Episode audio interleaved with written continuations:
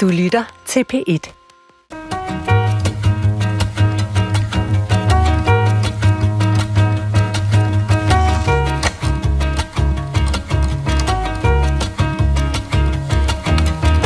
Vi bringer kammermusik. Af Mozarts kvartet for klaver, violin, bratsch og violoncel, g fortsætter vi med ansatsen. Andante.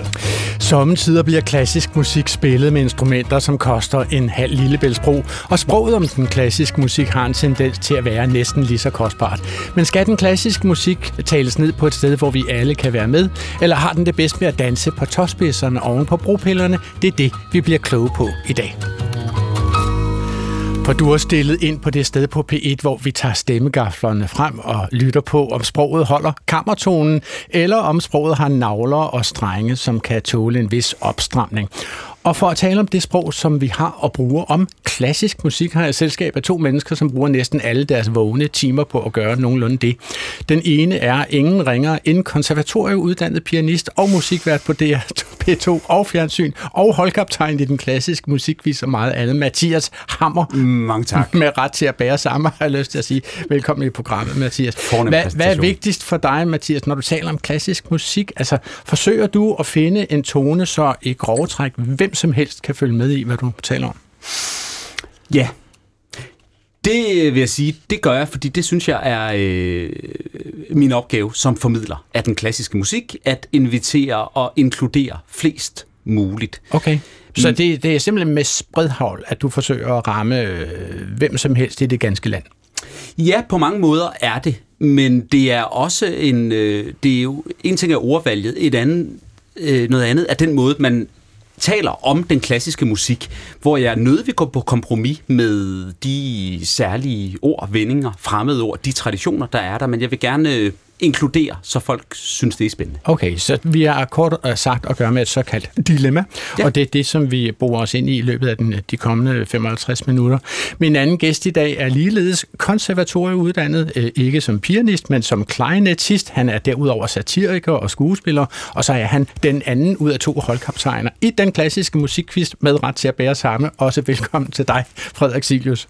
Tak skal du have, Adrian. Øh, Frederik, altså du har jo en satirisk karakter, øh, som er seniorkorrespondent Kirsten Birgit Schøtzgrads Hørsholm, som faktisk, as we speak, lige akkurat er begyndt at sende live igen. Ja. Altså på, hvad er det? Det har sådan set ikke engang forstået. Det er på radio. Det er på radio. Er de fra med i går nye... torsdag begyndt at sende live, eller hvad? Ja, det gør man. Man kan høre os live hver dag kl. 13.05 i december måned, hvis man downloader Radios app. Det er simpelthen det. Og det, det kan man gøre det, der. Nu spørger du, hvor kan man gøre det hen? ja, det, gør, det, det, gjorde, det, var det, det, det kan du gøre der, hvor du henter dine apps. Der, hvor du henter dine apps. Beep, Google lidt. Nå, okay. Men, men prøv at høre, Frederik. Og det er altså R8DIO. Folk må google det, ikke? Men, men Kirsten uh, Birgit Sjøtskrets Hørsholm har jo den karakter, at hun er godt og vel nedladende. Altså, hun skoser jo sin uh, uh, slattende mellemleder Rasmus Brun for at vide ingenting, altså som i ingenting om ja. klassisk musik. Hun er en fariser. Hvad betyder det?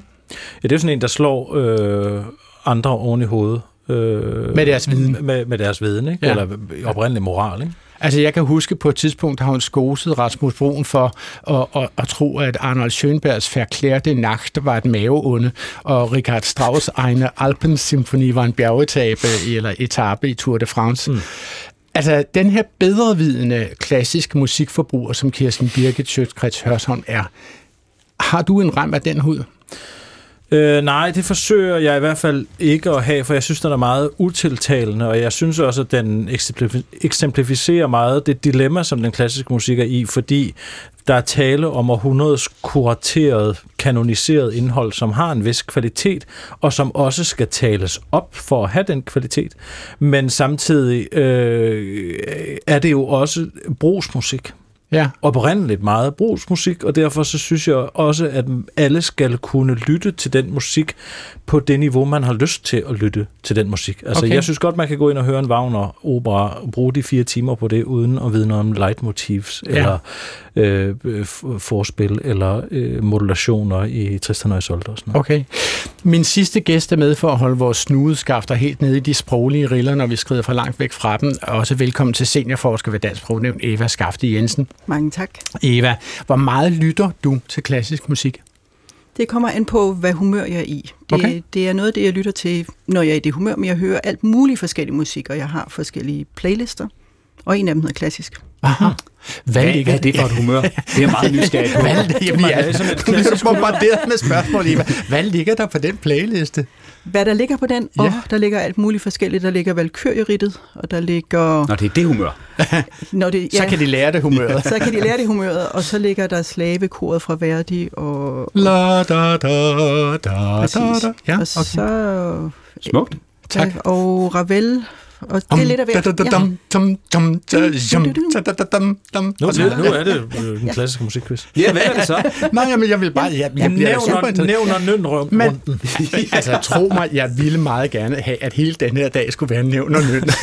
jeg, nønner i, i Slov og Klokkespillet. Vi introducerer jo faktisk quizzen tilbage i øh, Klog på Sprog senere i dag, fordi Nå. vi, vi startede jo faktisk Klog på Sprog med fem år siden med at have quiz med, øh, og nu har vi faktisk også quiz med i dag. Nå, Men. Eva Skaft Jensen, lad mig lige blive en anelse hos dig og lige Ja. høre, altså, hvordan blev du introduceret til klassisk musik?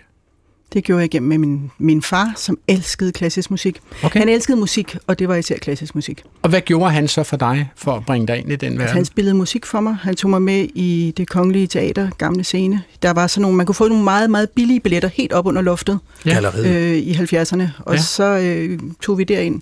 Og når jeg var træt, så gik vi hjem. Nå, Det var simpelthen aftalen, når, ja.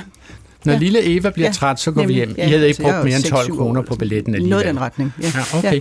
Mit navn er Adrian Hughes, og jeg er en af de mange utroligt irriterende typer, som ser den klassiske musikquiz og mener, at jeg har svarene før alle dem i fjernsynet har det, men bare roligt, at det har jeg jo altså betydeligt sjældnere, end jeg selv bilder mig ind. Og her er jeg har mest for at sige velkommen til Klog på Sprog.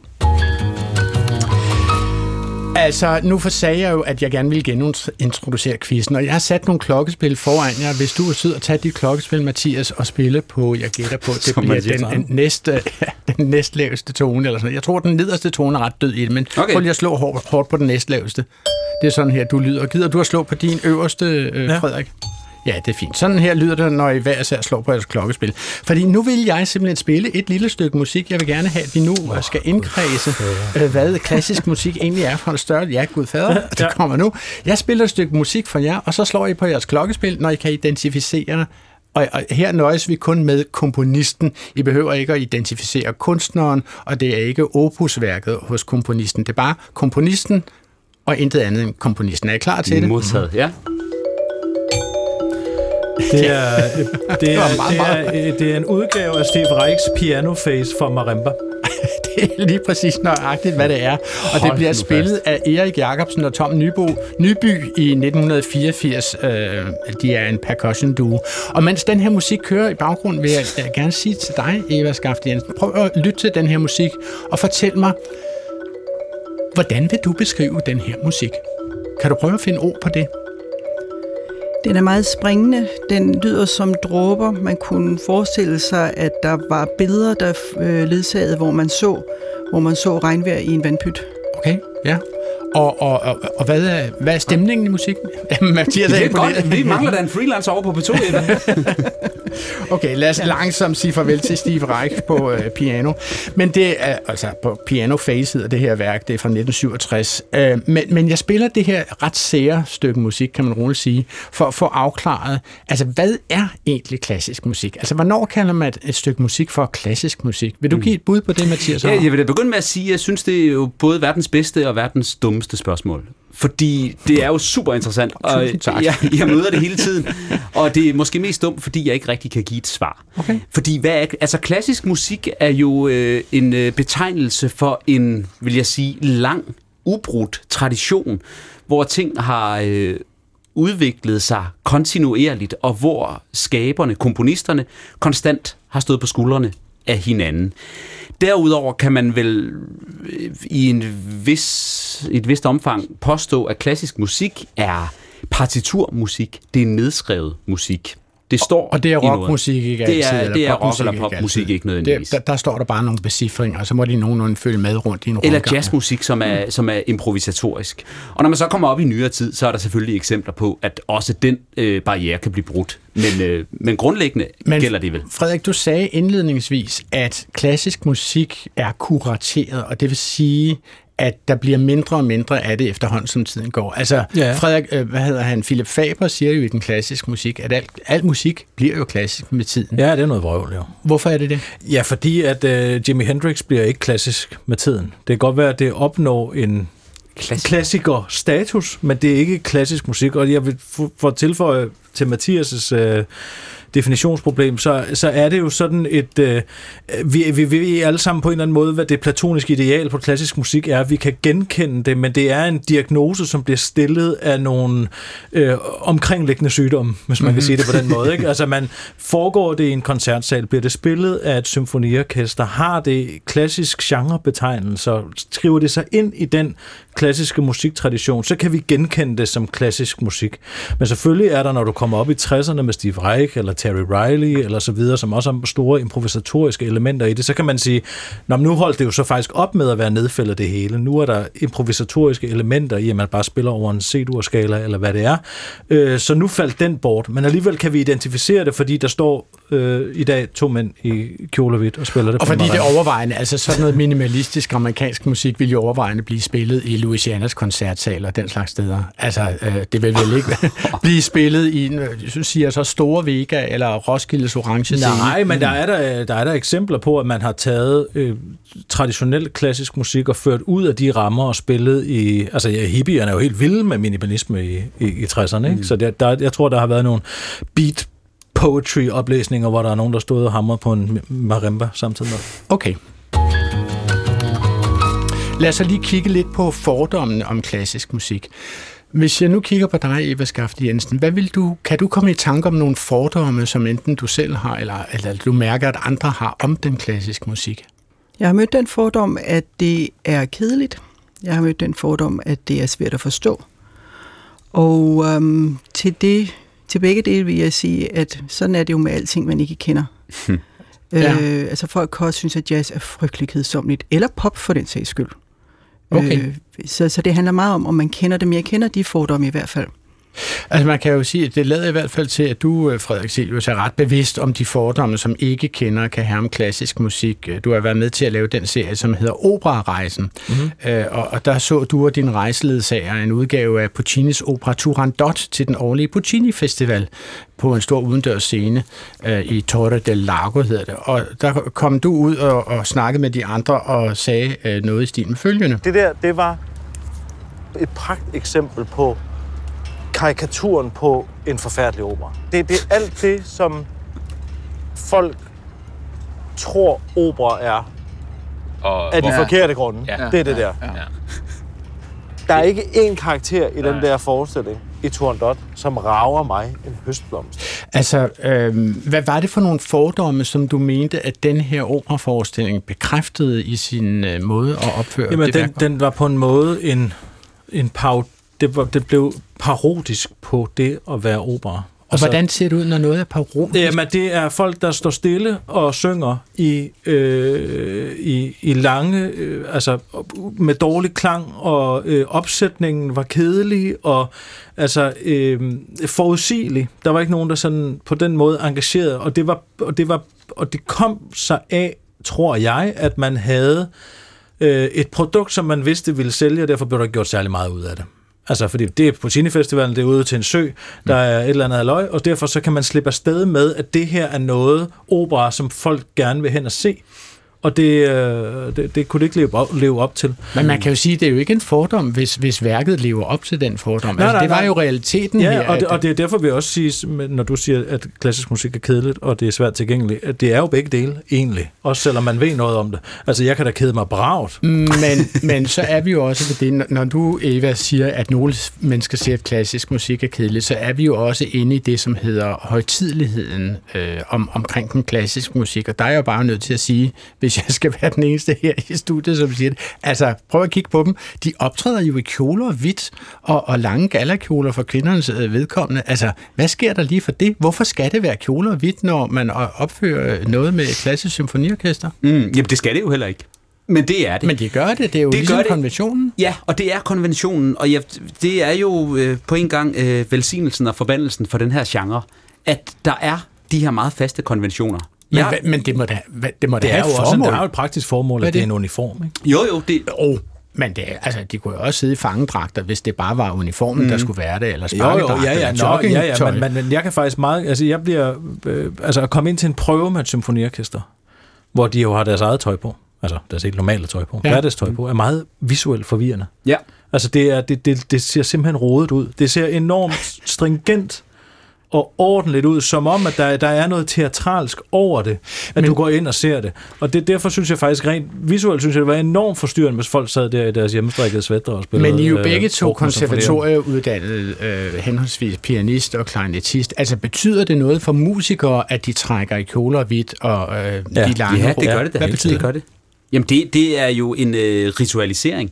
Altså, man, man, man, det, det er jo som at trække en uniform på. Jeg vil sige, det er det samme som at spørge en soldat. Betyder det noget, om du er i Ah, t-shirts og shorts? ah, det har et helt praktisk formål, at man falder i et med sumpene og birketræerne og skyttegravene. Nå, Men, men her altså, har det den formål, at du falder i et med koncertsalen. Ja, Du er der. Du, du stikker ikke det, kan, ud. det er en camouflage. og, og Adrian fal, falder i et med, med traditionen. Og et koncertrum er jo et traditionelt eller et konservativt rum. Der er jo en forventning om, at, at der er noget, der fremstår, som det altid har gjort netop her. Okay, nu kan I høre, at jeg er sådan systematisk i gang med at trykteste mm. de forskellige steder, hvor folk jo ligesom slår sig ja. ja. på den øh, klassiske musik. Ikke? Og det andet helt klassiske øh, begreb er jo, at man, man klapper ikke mellem satserne. Hvis man klapper mellem satserne, så bliver man jo simpelthen øh, altså, døbet i tjære og rullet i fjer og båret ud på en jernbaneskinne. Ikke? Mm. Fuldstændig som i Lucky Luke. Altså, hvad skal det til for? Altså, hvad gør det, at man klapper mellem satserne?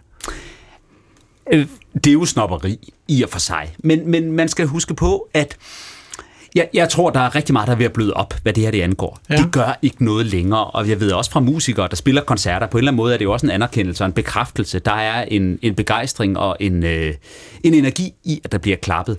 Men fra komponistens side, fra skaberens side, er, er et værk tænkt som et hele, hvor satserne spiller op til hinanden, og hvor de kontraster der, og de tonarts øh, forskydninger, der sker mellem satserne, til sammen udgør en, en helhed, som på en eller anden måde skal opleves Men som en helhed. Mathias Hammer, når du nu så har sagt det, så er det jo stadigvæk sådan, at man bruger mellemrummet mellem satserne til at hoste af, for eksempel, og man bladrer lige i partituret, mm, og man, man flytter lige på sin stol, og man, man vokser lige sin violinbue, eller hvad man gør med hestehår, eller hvad det er for noget. Altså, der er jo en forstyrrelse mellem Ja, ja, den ene sats og den Det er der, og derfor vil jeg også øh, sige, at det der med at klappe mellem satserne er også en øh, fordom, som folk, der ikke beskæftiger sig med klassisk musik, har, fordi de synes, det virker enormt stift. Mm. At der bliver klappet mellem satserne til en torsdagskoncert, eller ved en hvilken som helst koncert, er i og for sig ikke særlig forstyrrende. Tværtimod, det er livgivende. Og så den sidste, jeg lige vil tage med her, det er, at jeg var på et tidspunkt på det Kongelige Teaters gamle scene og se en ballet med en herre, øh, en yngre herre, som øh, aldrig havde været inde og øh, se en ballet før. Og, og han tog som noget fuldstændig naturligt for hans generation en øh, mobiltelefon frem, mm. øh, og filmede højdepunkterne. Og jeg var, var jo simpelthen ved at sejne i gulvet af skam, øh, fordi jeg ikke kunne forestille mig at noget mindre passende at gøre i plyssæderne på det kongelige teaters gamle scene.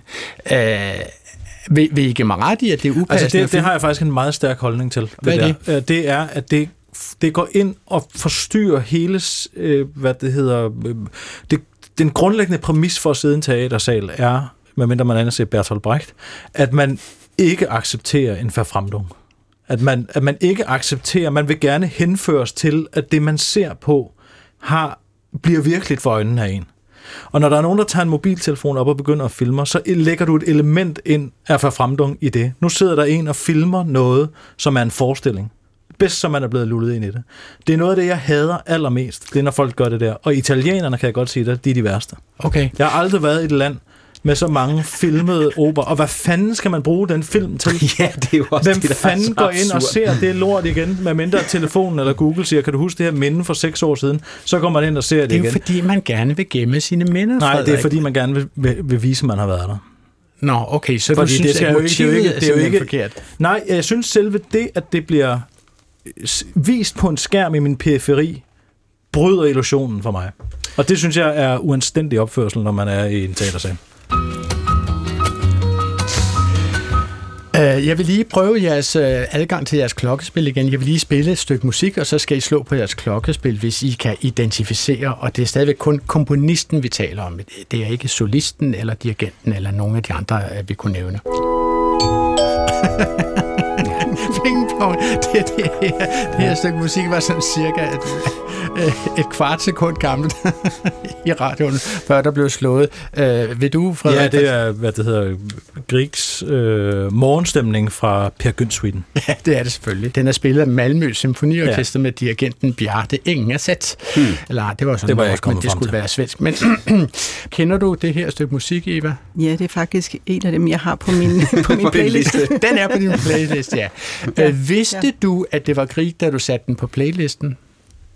Ja, jeg, jeg søgte den frem. Når ja. du søgte den frem, ja. du, du kendte ja. simpelthen specifikt ja. stykket for, og ja. udsøgte dig det for at lægge det på ja. din playliste. Okay. Hvilket humør er du øh, i, når du hører det her stykke musik?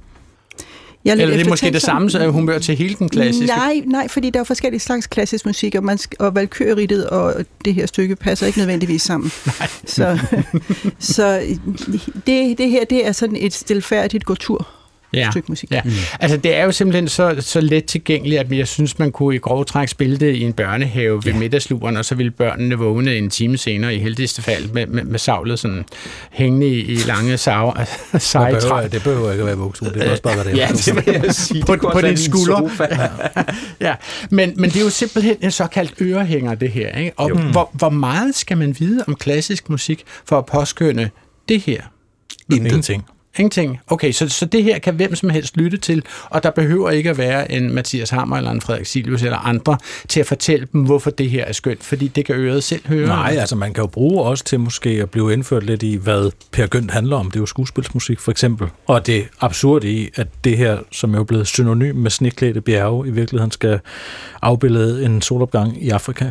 Mm. Ikke? Altså det, det, er jo, det er jo lidt underligt, okay. for det er ikke det billede, okay, de fleste får. Det, det var simpelthen nyt for mig, ja, det altså, skal Så, så ja. det kan man jo bruge det til, men rent opbyg, altså musikalsk teknisk, er det jo as simple as it gets. Det er en melodi med akkompagnement. Og det er næsten alt popmusik. Og, og, det samme. og en melodi, som man rent faktisk kan synge. Den Præcis. er jo sangbar mm, på den ja, måde. Ja. Altså musik Men, som det her, det, det, øh, det, det behøver ingen ord med på vejen, i og for sig. Det sælger sig selv. Men netop at sætte musik i kontekst, kan jo altid give en ekstra dimension til oplevelsen. Noget musik er næsten utilgængeligt, hvis ikke vi får konteksten. Som det første, vi har spillet, ja, altså eksempelvis. Phase ja. der. Ja, okay. Men det, som undrer mig, når jeg får præsenteret klassisk musik i radioen og alle mulige andre steder, det er den der syndflod af oplysninger, jeg altid bliver mm. altså for, for kylet i ansigtet. Altså, vi får at vide, hvem komponisten er, det mm. synes jeg er fair nok. Så får vi at vide, hvad titlen på værket er, det synes jeg faktisk også er fair nok. Men så får vi jo navn på orkestret, samtidig navn på øh, solisten, vi får navn på øh, dirigenten, mm. samtidig årstallet for indspilningen, eller navn på spillestedet, eller den festival. Opusnummer. Ja, så kommer det næste opusnummer. Må lige tage den med dig, Eva Skaft Jensen. Opus. Hvor mange mennesker vil uden videre kunne fortælle, hvad et opus er? Jeg tvivler på, at ret mange sådan, i almindelighed vil kunne sige, hvad et opus er. Men, og man skal nok være inde i, ved at lytte af, af musik for at, at fange den. Ja. Og hvis vi siger opusnummer, ja. så ved jeg, at for eksempel sådan en som ja. Mozart, det samme er muligvis også gældende for øh, Beethoven, men Mozart, der er der en musikforsker, som hedder Ludwig von Köchel, mm-hmm. som har sat sig ned på sin flade popo på et tidspunkt og regnet igennem, hvor vi skal sætte alle Mozarts værker ind efter hinanden. Jeg går ud fra, at det er kronologisk rækkefølge. Ja, det er det. Samtidig får man jo simpelthen et køsselnummer kastet i ansigtet mm. også. Altså, mm. vi får at vide, når vi skal høre dette stykke musik af Mozart, at det her køssel har placeret det som nummer 437, eller hvad det nu måtte være. Mm. Ikke? Altså, hvorfor i verden skal vi vide det? Hvad vil du sige til det, Eva? Jeg vil sige, at det er meget indforstået. Jeg øh, har jo mine egne nørdede interesser, og, jeg, og nogle af dem, de... Øh, det, det er sådan noget med, med gamle håndskrifter og sådan noget. Og det kan være virkelig, virkelig, virkelig spændende om et bestemt lille stykke håndskrift, om det er fra C67 eller B69. Det er sådan nogle, det, det, det er, om det så er, ja, det, det er sådan nogle katalogiseringsnumre. Men det er jo noget, som man kun genkender, hvis man ved det. Altså det er sådan noget, som jeg kan sige til ganske få mennesker, og så kan vi have det som en, som en spændende fælles interesse. Og her virker det som om, at nogle af de mange oplysninger, man får, Øh, de, er, de er særligt henvendt til de særligt interesserede. Og alle er jo ikke særligt øh, interesserede. De vil bare gerne høre musikken. Altså, det er jo en måde at gøre, øh, i særligt i dag, for folk at finde den musik, de har hørt i radioen igen. Jeg har hørt for eksempel tilfældigvis en indspilning af en Shostakovich-symfoni forleden dag på, øh, på radioen, det var i sommer, men øh, i- i radioen, øh, øh, som jeg synes var suveræn. Altså, jeg har simpelthen aldrig hørt, jeg har hørt den symfoni mange gange, men jeg har aldrig hørt den indspilning, og jeg har ikke hørt den spillet så godt.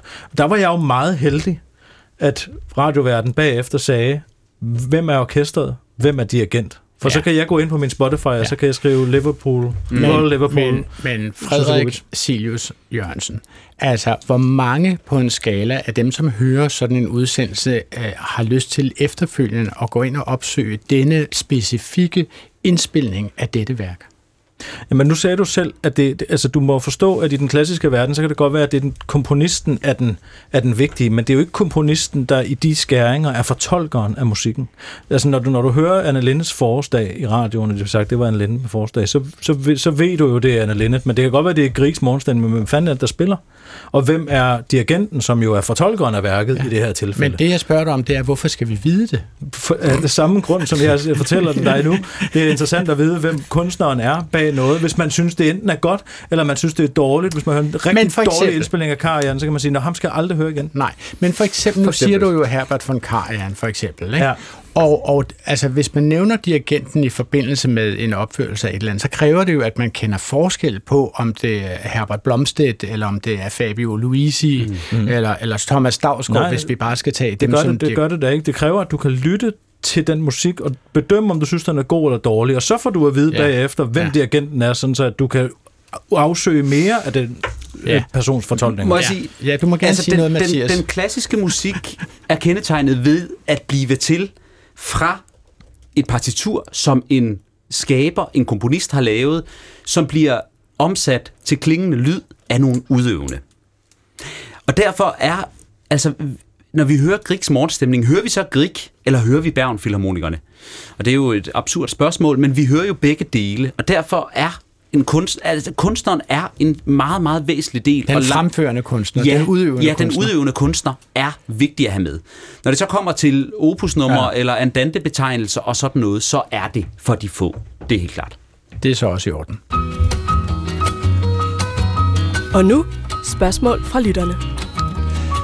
Fordi lytteren Jens fra Aarhus Centrum, eller det er nok Midtbyen, vil jeg tro, han kalder det Aarhus C, har skrevet til os og stillet et spørgsmål om det, vi taler om her, nemlig når han hører, øh, ser sine yndlingsprogrammer, den klassiske musikquiz, så undrer han sig over det der med, at han skal have at vide, at Johann Sebastian Bachs cellosuite nummer 1 er i G-dur. Han spørger simpelthen, hvorfor skal jeg vide, at den er i G-dur? Ville det ikke være bedre? Ville det være bedre, hvis den var i A-mol? Altså, jeg er med på, at der henvises til den tonart, der spilles i, men kan kendere ikke høre det, og kan dem, som spiller det, ikke selv høre det. Man siger jo heller ikke, at her kommer Nick og Jay med lækker øh, spillet med akkorderne øh, G, C og A7. skriver altså Jens fra Aarhus C. Hvad vil du svare på det, Eva Skaft Jensen? Det er jo et svar, som lægger sig i forlængelse af det, vi lige har talt om. Og det handler om, at det er en form for katalogiseringssystem. Og øh, vi, man skal jo kunne finde frem til musikken igen, hvis man gerne vil høre den. Og i forskellige musikgenre har man forskellige konventioner for, hvordan man katalogiserer. Altså for eksempel så har man i højskolesangbogen og i salmebogen tit bare den første linje, så genkender man en sang, altså i Østen stiger solen op, for eksempel, på den første linje. Øh, men sådan forholder det sig ikke nødvendigvis i klassisk musik. Der er nogle af de stykker, man hører, som har et navn, sådan et mere borgerligt, genkendeligt navn, mm. som for eksempel det, vi lige øh, lyttede til med... med, med Morgenstemningen, ja, ja. nemlig. Nu glemte jeg det faktisk. Ja. ja. Øh, men ellers så øh, er det simpelthen en form for, for genfindelsesprocedure. Men jeg vil gerne sige øh, til, til Jens fra Aarhus Midtby her, at det har han jo på mange måder, altså du har helt ret Eva, men det har Jens jo også. Bach, han har skrevet seks cellosuiter. De hedder cellosuite nummer 1, 2, 3, 4, 5, 6. Og hvis man siger, at dette er Bach cellosuite nummer 1, så er der ikke noget at tage, så er der ikke noget at tage fejl af. Så altså, du mener faktisk ikke, det var nødvendigt det er lige ikke, der at få det er, G-dur? Det det, er ikke, ikke. nødvendigt at vide, Okay. at det er G-dur. Det er jo en, øh, en faldgruppe for øh, mennesker, der beskæftiger sig med klassisk musik og i tale sætter det. Det her med informationstyngden. Ja, Fordi præcis. for mig der er uddannet musiker og beskæftiger mig med det, der betyder G-dur noget. G-dur, det, det, det giver en farvning. Jeg kan mærke øh, i, i mine hænder, hvordan det er at spille G-dur. Altså en G-dur er en festlig øh, toneart? Ja, eller? der er et kryds, og øh, den skala, den er herlig. Og, og, Og når du og så, siger et kryds, så ved jeg selvfølgelig, at det betyder, at der er kun en af de sorte tangenter en sort tangent, ikke? i den her Og så har jeg jo, øh, og, og folk, der beskæftiger sig med musik, en, en enorm referenceramme. Jeg kan nævne 500 værker på stående fod, der står i G-dur. Ja, og er du sød at? Ja, så det skal jeg nok lade være med. Men, men det vil sige, jeg ved, hvilken en tradition det er skrevet ind i, men det er man jo ikke født med at vide, og det er i og for sig øh, ikke noget, man kan få lang af sin Okay, lytter det bliver værre endnu, fordi vi har fået et lytterspørgsmål til fra Erik Værbak, som skriver til os ret ofte, det gør han fra Falster.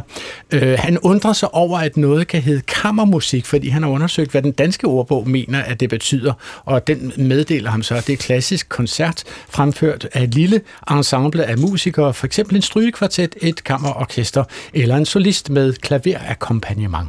Og det synes Erik harmonerer rigtig dårligt med, hvad kammer betyder, fordi det har han nemlig også slået op. Øh, Det er typisk et mindre rum mellem 9 og 10 kvadratmeter, har der stået, og bliver det større end det, så kaldes disse rum øh, for eksempel værelser. Bliver det endnu større, så kan de blive til sale, når de vokser op og bliver store. Erik har svært ved at se for sig, at fire stryger øh, i en strygekvartet kan få armerum til at spille på 9-10 kvadratmeter, og endnu mindre, hvis der er et flyl involveret i det. Han mener, at den eneste gruppe klassiske musikere, som ville kunne klemme sig ind i et kammer af den størrelse, ville være en mundharpetrio. Så, hvad- er dit svar her på, Eva Skafte Jensen? Mit svar på det er, at kammer kan betyde mere end én ting. Og vi har det i forskellige... Altså det, så kan det betyde sådan et lille 90 kvadratmeters rum i en lejlighed. Men det kan også, øh, som i det her tilfælde, være noget, vi har arvet fra italiensk, hvor man har en særlig måde at gøre det på, der hedder musica di camera, hvor man kunne spille musik i fyrstens private gemakker, i modsætning til i en større sal eller en kirke eller sådan noget. Så kammermusik er noget, der, er, der typisk er en, noget med en mind, et mindre ensemble, og som nu faktisk også kan høres offentligt. Jeg godtager i denne... 100 denne procent. Ja, skide altså- godt. Jeg er da faktisk glad for endelig at vide, hvorfor fanden det hedder kammermusik. Ja. Nå, det er så godt, Mathias. Du kan sende dit spørgsmål til klog på sprog for du lytter til Klog på Sprog i øh, Danmarks Radio, det sted, hvor vi indvender sproget fra alle vinkler, og i dag taler vi om det sprog, som vi bruger om den klassiske musik, og jeg er glad for at have selskab af Frederik Silius, som er klarinetist og satiriker og skuespiller og vært, og øh, lige akkurat i øjeblikket aktuel med helt dagsaktuel satire ja. i den korte radioavis med sin figur Kirsten Birgit Schøtzgrads Hørsholm, så tror jeg nok, jeg har fået det Hold hele med. det er godt. Hvorfor Og- skal, hvad skal bruge alle de her informationer til? Og, ja, præcis. Og vi har også selskab med Mathias Hammer. Ja, just fucking google it. Ja. Mathias Hammer, som er musikvært ved P2 og ved DRTV og alle mulige andre steder på festivaler, og hvad ved jeg. Og Eva Skafte Jensen, som er seniorforsker ved Dansk Sprognævn. Og jeg vil gerne tale med jer om, øh, hvor meget man skal vide om klassisk musik, før man hører det. Og der kunne man tage sådan et værk som det her, som jeg ved, at du holder meget af, Eva Skafte Jensen. Ja, nå, der bliver allerede slået på klokken. Vi øh, skubber langsomt øh, Chopin ned under os. Øh, Du må gerne få lov til at sige, hvad det hedder, Mathias. Hvad er det, vi lytter til her? Ja, vi kalder det jo for øh, Regndrup-præludiet. Vi lytter til øh, Destur-præludiet fra de 24 præludier, opus 28 af Frédéric Chopin. Nummer 15. Jeg kunne ikke have sagt det bedre selv, Mathias. Det kommer jeg aldrig nogensinde i mit liv til at gøre. Uh, det her var et værk, som, som du lærte at kende faktisk i den klassiske musik, hvis, hvis jeg ikke så meget fra. Jeg, jeg, jeg kendte godt til det før, men, jeg, men da jeg så den klassiske musikquiz, så fik jeg jo så fik jeg faktisk navn på, og jeg kunne finde frem til det, og øh, har siden haft det rigtig, rigtig, rigtig godt med at høre det, især sammen med min, med min datter Ellen. Og der betød det noget for dig, at du simpelthen skulle Ja. have betegnelsen. Du skulle have Ja. den titel på, Ja. for at du kunne nå at finde frem Ja, til fordi det. ellers så ville jeg ikke vide, hvor jeg skulle lede. Men er der en kobling for dig mellem, at du hører en titel, som er Regndråbe-præludiet, og så hører musikken? Det har muligvis gjort, at vi har hørt regnen i lige netop det stykke, og, øh, og også kunne høre det store stormvejr, der kommer på et tidspunkt, med en frygtelig masse øh, hæftige regndrupper. Nå. Øh, og det er muligt, at vi ikke ville have lavet den association, hvis, hvis vi ikke havde vidst, at det, havde det navn. Så det har sådan set højnet din Ja, oplevelse af musikken, at der er en titel forbundet med det. Altså, det, det har det muligvis. Det er jo svært at sige, hvad vi ville have gjort, hvis vi ikke havde vidst, det hed det. Nej, okay. Så lad os prøve at gå ind i, i nogle af de værste klichéer, som der kan være om, om klassisk musik. Vi har jo øhm, vi har faktisk kigget lidt på DR Koncerthus hjemmeside. Det er jo altid hyggeligst at gribe i egen barm. Mm-hmm. Og så har vi skrevet, de har faktisk citeret, hvad pressen har skrevet om DR's symfoniorkester. Og lad os øh, få et par af disse her uddrag. Det lyder sådan her. I salen blev man draget mod de himmelske højder. En aften, der fagnede de store eksistentielle kontraster. Hvad synes I om den beskrivelse af klassisk musik? Hvordan vil du opleve det her, Eva Skaft Jensen, hvis du læste det her i en anmeldelse af en koncert, der har fundet sted i en koncertsal? Det lyder lidt svulstigt. Det lyder sådan lidt, ja, måske lige lovligt højstemt. De store eksistentielle ja. Ja. kontraster. Nu vil ja. Ja. jeg så sige, at det er mit problem, at jeg ikke ved, hvilket Ja, det, det stykke- er sgu også til at sige. Ja. Det ville da være interessant at høre. Ja. Hvad, Ja, altså man håber lidt, det er Strauss, ja. men man bliver Ja. lidt ked af det, hvis det bare er præludier af Chopin, ikke? Eller hvad? Nej, det tror jeg. det Du, nu fornærmer du Mathias. Ja. Nu går han Ja, snart. det vil jeg også sige. Ja, det, Hvad mener du med det? det er Mathias, der har fingrene nede i klaviaturet hele tiden. Ja, men det er nok ikke kom bamse, nu balletter vi. Vel? Nej, okay. Nej. Øh, Hele orkestret spillede forrygende, og man blev slået af den tanke, at det må være vidunderligt at befinde sig midt i orkanens øje under sådan en opførelse. Hvad Ja. synes du om den, Mathias? Nå, men jeg synes at det er øh, svulstigt. Altså, det er jo øh, sprogblomster, som er øh, over the top. Ja. Bruger du selv sådan nogle sprogblomster en gang imellem? Altså, har, har du sådan et lille post, har du nogle post-it-sedler på din skærm, hvor du skriver, husk ikke at sige sådan og sådan, når du skriver din manuskript? Mm. Hvad er det for Ja. nogle ord? Det er, øh, det er rosende, begejstrede ord, som dybest set ikke fortæller noget. Nå. Det, og, og det bedste eksempel er ordet fantastisk. Husk at sige det til Jonas Vingegaard. Ja, Giv det lige videre. Jamen, er, er, siger han altid, at alle hans ture, eller alle Han hans siger, at er meget fantastisk. etapper, og til gengæld siger han ikke ret meget andet. Nej, Men det, Ej, nu er han jo heller ikke sat på jorden for at være ikke. Det var også kun uh, for Øh, sjov, Adrian. og perfidi. Ja, Ja, ja, ja. Så ved vi alle sammen, hvor jeg, vi har jeg, hinanden. jeg synes, når jeg i tale sætter musik, og det er jo så måske primært i koncerthuset eller til koncerter, hvor man står og, og oplever en, en øh, live-opførelse af et eller andet, som man så øh, under bifaldet skal kommentere på til øh, radiolytteren, er det, synes jeg, min forbandede pligt, og det er meget vigtigt, at begejstringen, nærværet, øh, intensiteten i koncertsalen, at jeg kan videreformidle den med mit sprog ud til lytteren. Men man er også altid nødt til at træde et skridt tilbage, fordi hvis jeg bare jubler og råber øh, bravo ind i mikrofonen, og hvor er det fantastisk, og hvor spiller de dog smukt, og øh, hvor er det dog sto- altså storslået. Hvad er det, og folk, der hører mig i radioen, vil vide, at de både med jævne mellemrum hører mig sige fantastisk og st- storslået, og tale alt for begejstret, for jeg falder i gryden hver gang. Men, men der er Hvor, sådan... hvorfor gør du det, Mathias? Hvad, hvad der sker Jamen, i den det, sammenhæng? det, er jo, det, det er jo fordi, jeg ikke kan mit håndværk, Adrian. Okay, det var breaking Nej, ja. news klog på sprog. Nej, men det, men det er jo fordi, jeg lærer mig at rive med, og fordi øh, man kan stå der efter en stor malersymfoni og, og føle, at, at ordene ikke slår til, og man virkelig har den der oplevelse af, wow, det her, det kommer til at sidde i mig i, i, i meget lang tid. Men der er et eller andet i... Øh, når sproget bliver så floromvundet, at det mm. udhuler sig selv, eller når man stopper fortolkninger og oplevelser ned i, i øh, halsen på lytteren, Men så går det, man forkert. er det ikke også okay, hvis man har oplevet noget, som er voldsomt, og du siger, ordene ikke slår til, som er storslået, som er gribende, og at man efterlades øh, lam og øh, målløs. Mm, mm. Altså, øh, målløs betyder jo uden ord. Altså, Ja, det er, men problemet for den klassiske musik er jo, at den har solgt sig selv på at levere varen hver gang. okay. Og det, og det, og det, og det, det gør den jo ikke skal vi lige huske at sige. Altså, det, det er tvækket svært, fordi at selvfølgelig går man jo ind og investerer den her relativt lange tid af sit liv på at opleve det her, i håbet om, at der falder noget transcenden- transcendentalt af, noget eksistentielt af for en. Men det sker bare ikke hver gang. Altså, man, kan man, man, man, man går ind for at få gåsehud og gå grædende Klart, derfra. så ja, det, det, det gør jeg da i allerhøjeste grad, få en eller anden stor oplevelse derinde, men, men, men, men, men når man så præsenterer noget, og det er sådan, nej, det var sgu ikke lige i dag. Altså, så er det svært at få det sagt, og det er svært for alle mennesker at sige det, ikke? Og, og der er også kommet en, en konvention om, at alt musik, der er blevet kanoniseret som klassisk musik, er god musik, hvilket jeg synes er meget stor skud i foden for, for klassisk musikformidling. For ved Gud, så er Ferdinand Davids trombonekoncert ikke verdens bedste stykke musik. Og det, det synes du, det må man gerne have lov til at sige en gang. Ja, men og jeg vil sige, jeg findes der faktisk det- dårlig klassisk musik. Ja, og som har en praktisk funktion, og det er at være en af de to koncerter, der er skrevet for trombone. Nej, det er sikkert skrevet flere, men, men det er en af de få, der ligesom bliver spillet, men det, er bare, det, det gør ikke, at den kommer op på højde med Sibelius violinkoncert. Det gør det bare ikke. Mm-hmm.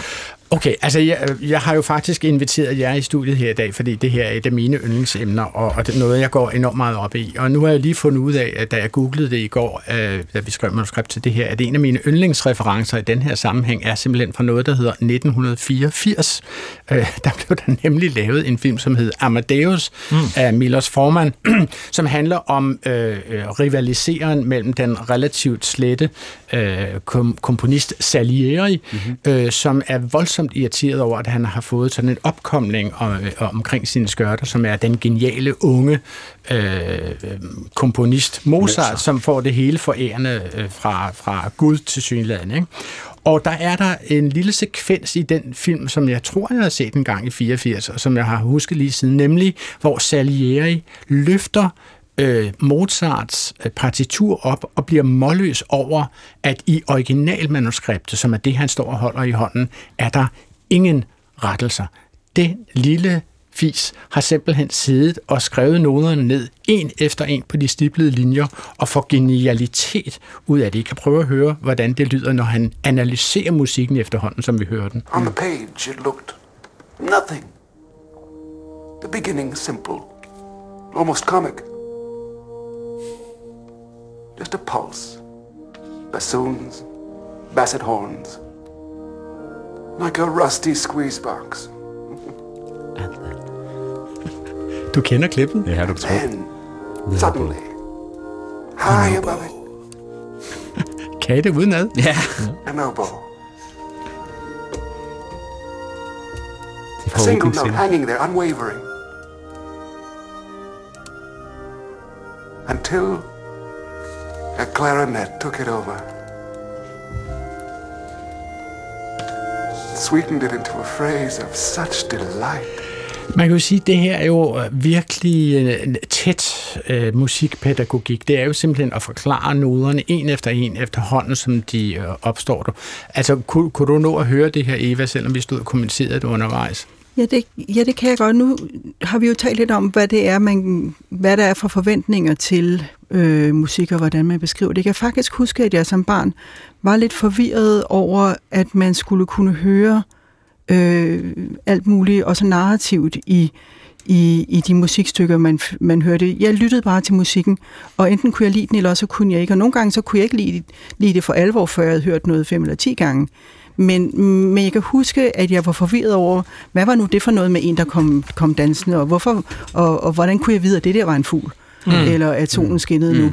Det, det synes jeg faktisk var meget forvirrende. Det er også en ja. faldgruppe i, ja. i musikformidling, vil jeg sige. Altså, hvordan vil det se? Hvad Ja, det er jo et ønsket om, at man gør det meste musik programmatisk. Altså, at man, man ønsker... At hver gang man hører en tone, så refererer det til en bestemt ja, så har, begivenhed. ja, så har det en reference til noget konkret, og det er sådan en, en ja, måske tendenserende doven måde at mm. formidle musik på, fordi at, at pro- programmatisere musik, som ikke fra komponistens hånd er programmatisk, er jo at udelukke alle andre fortolkninger, som den musik kan have i hovedet på de givende lyttere, der sidder der. Og det, det synes jeg faktisk er en forbrydelse.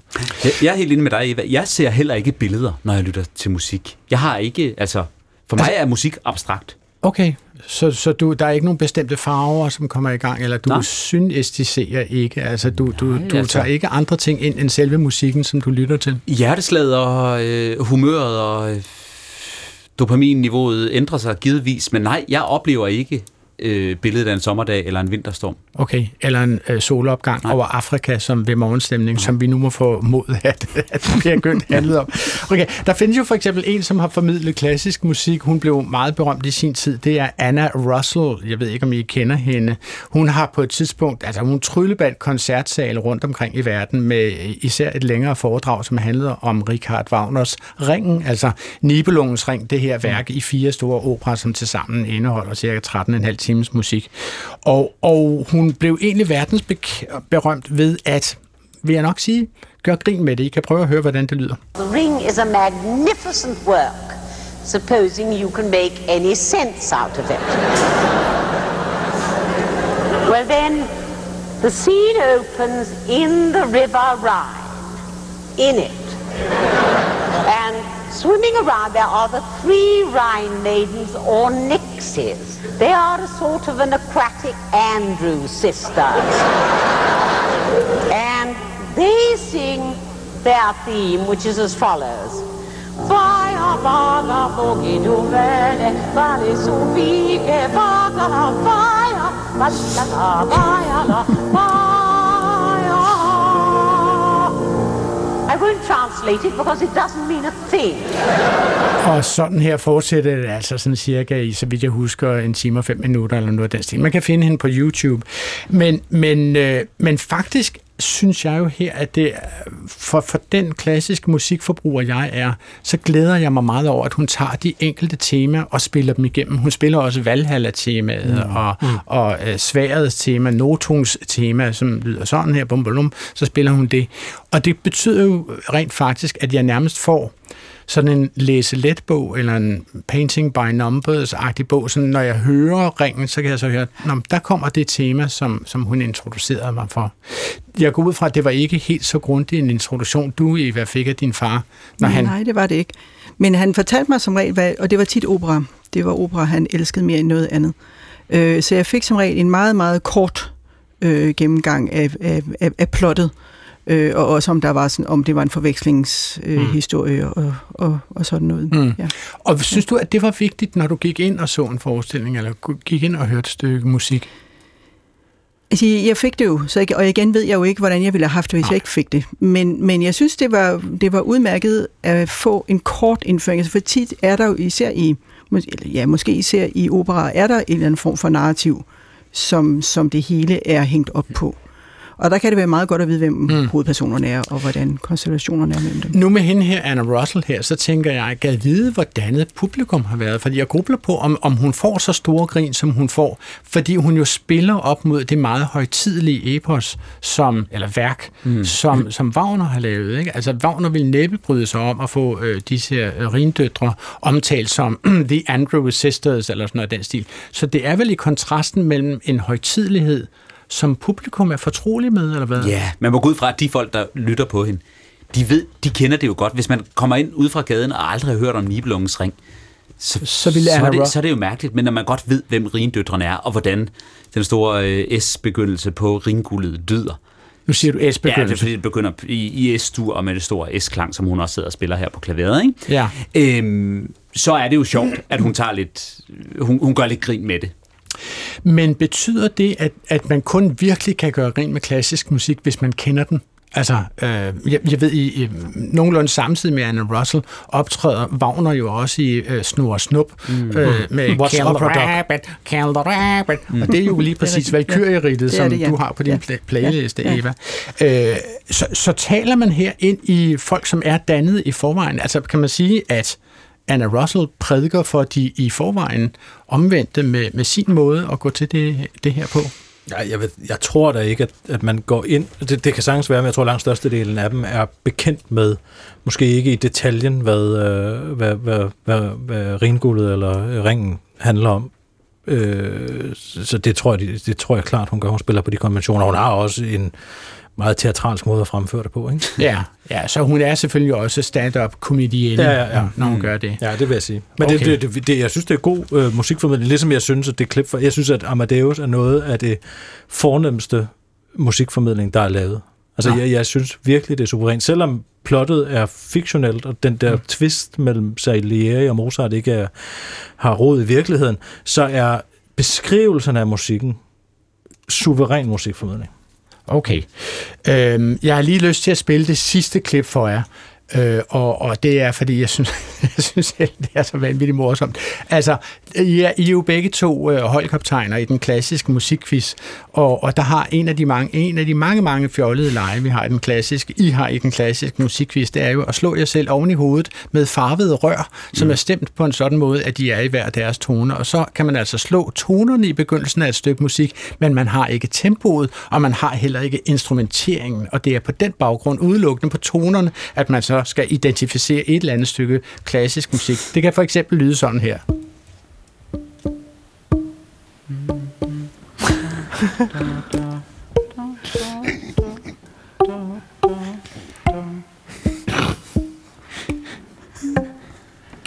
Det minder mig om sådan noget Tchaikovsky eller, eller hvad? Jeg tænker også noget... Ja. Men altså, det kunne være så meget. Det er tre af det samme i streg. Mathias, jeg bliver nødt til at skære igennem. Nej, nej. Nej, di di di da li da li da.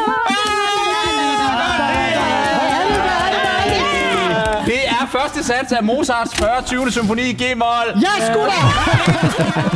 Så det var altså dit hold, Mathias, som scorede et point her. Mm-hmm. Altså, hvordan holder Igen. man... Surprise. hvordan holder man balancen mellem ren gag og, og, og begejstret formidling? Øh, det ved jeg ikke. Tak fordi du kom. Øh, det gør man, det er jo ligesom Anna Russell. Altså, øh, alle kan gakke, men den gode formidling må gerne være gakket, men så skal den leveres af, af, af nogen, der har indsigt. Altså lige så snart noget både bliver gakket og øh, mangler indsigt. Jeg håber, at det, der smitter igennem i den klassiske musik, er, at det er fis og ballade, og det, det er åndssvagt på alle mulige måder. Men man kan godt mærke, at vi elsker det, og vi kender det. Godt, vi nærmer os øh, indflyvningen til afslutningen af det her program. Og jeg vil sige det sådan, altså selvom I to øh, formidler musik på livet løs, så findes der jo faktisk stadigvæk mennesker, som føler sig lukket ude af den klassiske musik. Og to af dem er med til at lave det her program. De sidder og som oftest inde bag øh, glasset i teknikrummet. Og nu vil jeg simpelthen bede jer om et lille eksperiment, Mathias og Frederik. Altså, øh, jeg vil gerne give jer et minut hver til at fortælle øh, mine kolleger der bag øh, glasspejlet, Hector og Clara, hvorfor de skal lytte til og beskæftige sig med klassisk musik. Uh, Mathias, vil du lægge for? Du får et minut til at tale den her genre op. Hold da kæft. og jeg stiller mit ord. Kan Værsgo. jeg se.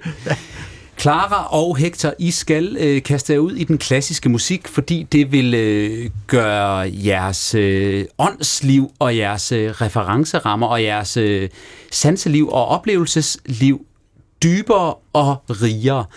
Det vil øh, på det direkte plan giver en, en stor oplevelse af lyd, af klang, af ekvilibrisme og virtuositet, men det vil også være øh, noget, som kan åbne en kulturhistorie og vores, øh, vores, vores, vores fælles kulturarv, som kan sætte ting i perspektiv, som kan øh, skabe en fornemmelse af, hvorfor ting var, og hvorfor ting er, som de er i dag. Nu gider jeg ikke sige mere, Adrian. Jeg ved ikke, noget værd vores. Det var 45, nej, det var 40 sekunder. Øh, Jeg, jeg har lyst til at kalde, og nu direkte fra glasburet kommer Hector og Clara ind. Nej, det kan vi desværre ikke. Hvad synes du, Clara? Altså, blev du klogere? Forstod du noget af det? Clara siger, at hun synes, at det var meget overbevisende. Nå, fordi jeg, tak, jeg siger øh, det, som Clara siger inde i min øresnegler. Det var det, hun sagde. Øh, Så havde jeg rystet på hovedet. nej, det gjorde hun ikke. Øh, Frederik, de er Silius, øh, ja, ja, da, du får også lige 40 sekunder, for det var det, som Mathias brugte. Værsgo, tag 40 sekunder. Altså, jeg, jeg ved faktisk ikke, om jeg synes, I skal gøre det. I skal gøre det, hvis I har lyst. Og hvis man føler, at der er øh, øh, noget inde i en, som trænger til store, sanselige oplevelser, så synes jeg klart, det er en vej at forsøge at gå ned af. Og så vil jeg sige, hvis man er bekymret for, det kan man være, hvis man er ny, at der er konventioner, som man ikke kender, eller man er bekymret for, at der er en omgangsform i, den, i koncertsalene, som man ikke kender, og man ikke må klappe mellem satserne, så find en, der har været der før at tage med. Det tager en ret meget sådan øh, nerven af. Og så vil jeg sige allersidst, at det er en verden, hvor alle kan være med. Man kan sagtens lytte på et overfladisk plan, men man kan også med tiden, som man bliver bedre, dykke ned i utallige ormehuller, og det gør, at den verden bliver ved med at overraske og være interessant. Ja. Vil du evaluere disse to salgstaler, Eva Skafte Jensen? Lad os lige spørge Clara ude i, øh, i regiet. Hvad siger du, Clara, til den sidste? Den Clara kunne- siger, den at det var ikke lide. betryggende, synes hun. Ja, ja, og så nikker hun en lille smule mindre skræmmende. Ja, siger Clara. jeg gentager bare alt, hvad der kommer ud af dem. Skal jeg sige mere, siger Clara. Nej, det skal du ikke, Clara. Okay, det er storartet, men altså, vi lader øh, salgstagen ligge der. Fordi her til aller, aller sidst i programmet skal vi lige nå at vende, at Klog på Sprog i samarbejde med Dansk Sprognævn kårer årets ord den 16. december her i det program, som du lytter til netop nu. Og du kan være med. Giv dit bud inden den 9. december på et eller flere ord, som fortjener æren. Du kan skrive enten til os på klog på sprog, dr.dk, eller du kan gå direkte ind på Dansk Sprognævns hjemmeside og indskrive dine bud på enten nye ord, som har tegnet året, eller gamle ord, som vi har brugt på nye og i ørefaldende måder. Lad mig øh, kaste den ud her i studiet. Hvilke ord kunne I forestille jer at indstille hvis I gik ind på Dansk Sprognævns hjemmeside og tastede noget ind. Husk at vedlægge jeres telefonnummer og navn, hvis vi gerne må kontakte jer i forbindelse med indstillingen af ordet. Altså, jeg, jeg, har, øh, jeg har kun et, som jeg selv har opfundet, som jeg håber breder sig. Det kan både være et ord, men det kan også være et idiom. Jeg kunne godt tænke mig, at ordet præn med dig hvad blev er indført. det? Det er, sådan en, det er sådan en middag, man trækker fra, men som man ikke helt kan. Altså, En præn middag. En præn middag. Altså, øh, man, man har ikke egentlig nogen legitim grund til at trække den fra, men man kan godt lide alligevel. Man, det kunne også være idiomet at være ude og spise med præn. ja, det er prik, prik, prik, og ja. Så skal vi bare alle sammen vide, hvad det handler om. Har du et bud, Mathias Hammer? Altså, det, det er vel enten noget med valg og regering, eller også er det noget med VM i fodbold. Så er det ikke enten midterregering. Det er måske lidt kedeligt ord, men det er da... Det, det, det er der noget, vi har talt om. Midterregering, det er Eller også så regering skal vi- hen over midten, ja, Ja. som begreb, ja. Eller også er det vel noget med blodbold, eller noget i den retning. Blodbold? Ja, blodbold. Det er Jeg godt tror ord. sportswashing. Sportswashing. Sportswashing. Og nu Er er, det ikke der det, man allerede- kalder ja. det, når man Det- gør det? Det er random mange øh, forslag, I er kommet med. Mm. Har du et forslag, Eva Skafte Jensen? Så vi er jo stadigvæk i et eller andet omfang præget af, at vi har været lukket ned i flere omgange. Og et af de ord, som dukkede op i år, det var corona-ninja. Hvis man ikke har fået corona, så er man ligesom... Nå. og så, Ah, øh, har man kantet sig igennem ja, det hele, øh, nemlig. Så er man uberørt af coronahånd. Ja. Er der nogen, der bruger det? Fantastisk. Ja. Det er der åbenbart nogen, der gør. Nej, det var Efter et mindre intermezzo om årets ord, så nærmer klog på sprog sig sit ritordando af sidste sats som den klassiske musik, og jeg siger tak til mine gæster, Frederik Silius, klarinettist, satiriker, skuespiller og vært, og Mathias Hammer, musikvært ved P2 og DRTV og alle mulige andre steder, og til Eva Skafte Jensen, seniorforsker ved Dansk Sprognævn. Programmet her er tilrettelagt af Hector Brunhøj Husum og Clara Witt, der også stod for teknikken, og programmet blev præsenteret af mig, Adrian Hughes. Husk, at man altid kan sende kommentarer og sprogspørgsmål til os på klog på sprogsnabelag.dr.dk, og i øjeblikket altså også forslag til årets ord på genhør næste fredag op til middagsradiovisen.